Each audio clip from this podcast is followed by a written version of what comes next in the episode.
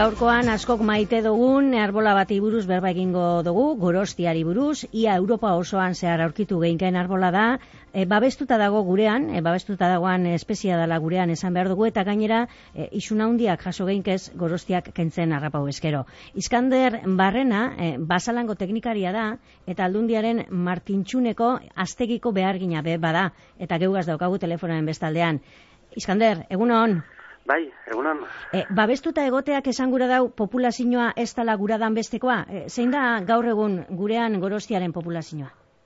E, ba, bueno, e, babestu zanetik, e, ja, oindala, mila beratzen da laro, eta iruen, e, detzerautu betu guten zan bere e, ba, babestuteko. Eta, ba, bueno, ordundikona bere erabilera gutxitu izan ez, eta ba, bere egoera hobetu ina, bai, e, alanda be, ondikarren espezie nahiko urria da, eta, bueno, eh, zain, zain dugu hondik erran. Babesa behar dago ondino orduan e, gorostiak. Eta gorosti mota bat baino gehiago dago, e, gurean zein da oikoena? E, gurean dagoen espezie da Ilex akifolium, e, espezie da, hori Europan nahiko oikoa dana. E, or, e, familien artean e, lau genero eta ez da izemete iruron, lauron bat espezie edo sartzen direz. Bai, gurean e, hori, gorostie hori ilexaki poliun espezikoa da. Eta e, zein da edo zertzuk dira gorostiarentzat arriskurik e, handienak gizakiak e, aparte itzita? E, bueno, e, gutaz aparte, holan, arrisku handirik e, e, azteko, bez, dekona, ba, bueno, bere momentuen e, gabonatan eta painarri itza erabiltzen zala, gaur eguneko hori erabilera banaiko eskasa da, ez da hain oikoa, bez eta, bueno, gaur egunean dekon e, arazo landinetariko bat, ba, e, baso gintza jardueratan direz. Eta gero, e, gaur egun bizi duguzan temperaturen gora berek eta eraginik izaten badabile euren loratzean edo euren e, fauna horretan?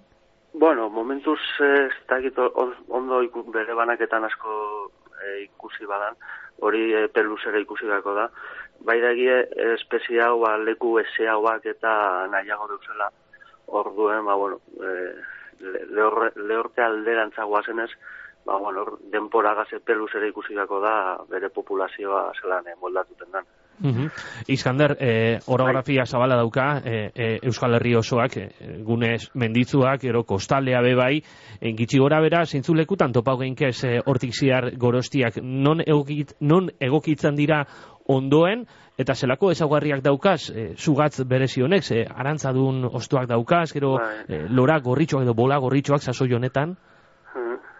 Bai, ba, hemen e, Euskal Herrien e, aurkitu aldo, ba, itxasertzetik e, mendi altuenetara, e, egoaldean izen ezik, aga ba, eta Nafarro egoaldean izen ezik, eta Pirineoko mendigaiurran handietan eta besta aurkituten.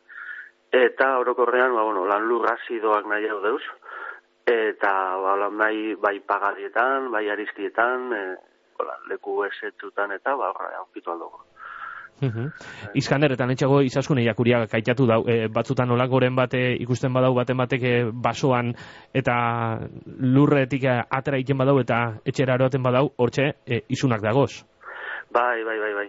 Bai, hor, Euskadiko natura ondarea babesteko legean arabera e, izun e, e, e, desberdin zelango kaltea iten dakon arabera iz, e, e, baremo desberdin gauz, adibidez, e, arau ostela e, harinek edo badirezan, berreun iru mil euroko zigorra hartu aldozu, eta ja, e, kaltea larria badan, ba, iru miletik berreun mil eurora ino da.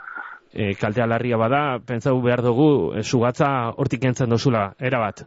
Bai, bai, bai, eta popula, edo populazio handi bete dozun txituiten dozula, edo, bai. Iru mila eurotik gorako izunak? Bai, bai, bai bai, ez da, hori ondo babestu da, ez, ba, ez bakarrik, e, jaso aldo zuen izunetik, bat ez be, ba, bueno, hmm. espezie u, nahiko esk, eh, bueno, eskasa edo e, dala esan alda, da, babestu ima da, gure ondaria. Eta kalte harina, e, zeri deitzen dut zuen kalte harina? Bueno, kalte harina izen alda, ba, igual, ba, derraman bate, bai, moztu, olango, onago zeo zer izan altzen.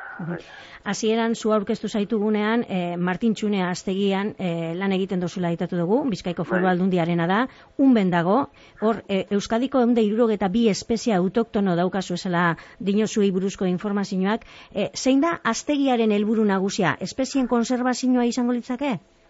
E, bai, batez be, ba, holan e, beste mintegi partikular enpresatan e, espez, kontserbaziorako espeziak direzan e, bueno, espezie desberdin batzuk oso zaiak direz hasteko eta hemen bi, bi, bil, e, mintegian ba, bueno, egiten duguna da apurret, e, espezialak edo leku espezialak kontserbatu nahi dan lekurako ba, espeziak hasi egiten dugu e, beste hainbat espezie ohiko bat direzenak bai, e, repoblazioak egiteko.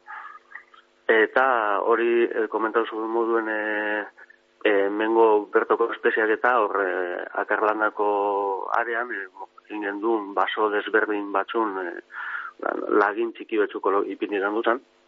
Bere panelakaz eta interesgarria da, ba, egun baten nunok pase bat emon gure baduen hortik, ba, bertan deko guzen basoko sistema desberdinek ikusi aldo zela.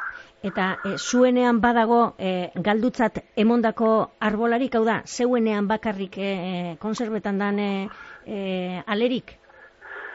E, hola, ba, baeko espezie bat dala e, genista legionensis, e, gehiago, e, arbusto es, ba, espezie bada, eta hemen Euskadin punta luzero bakarrik eh, agertuten da. Eta kasualidades, bigazute bat egon zan, eta lotxan ziren eh, ale bakarrak gure mintegien egon ziren.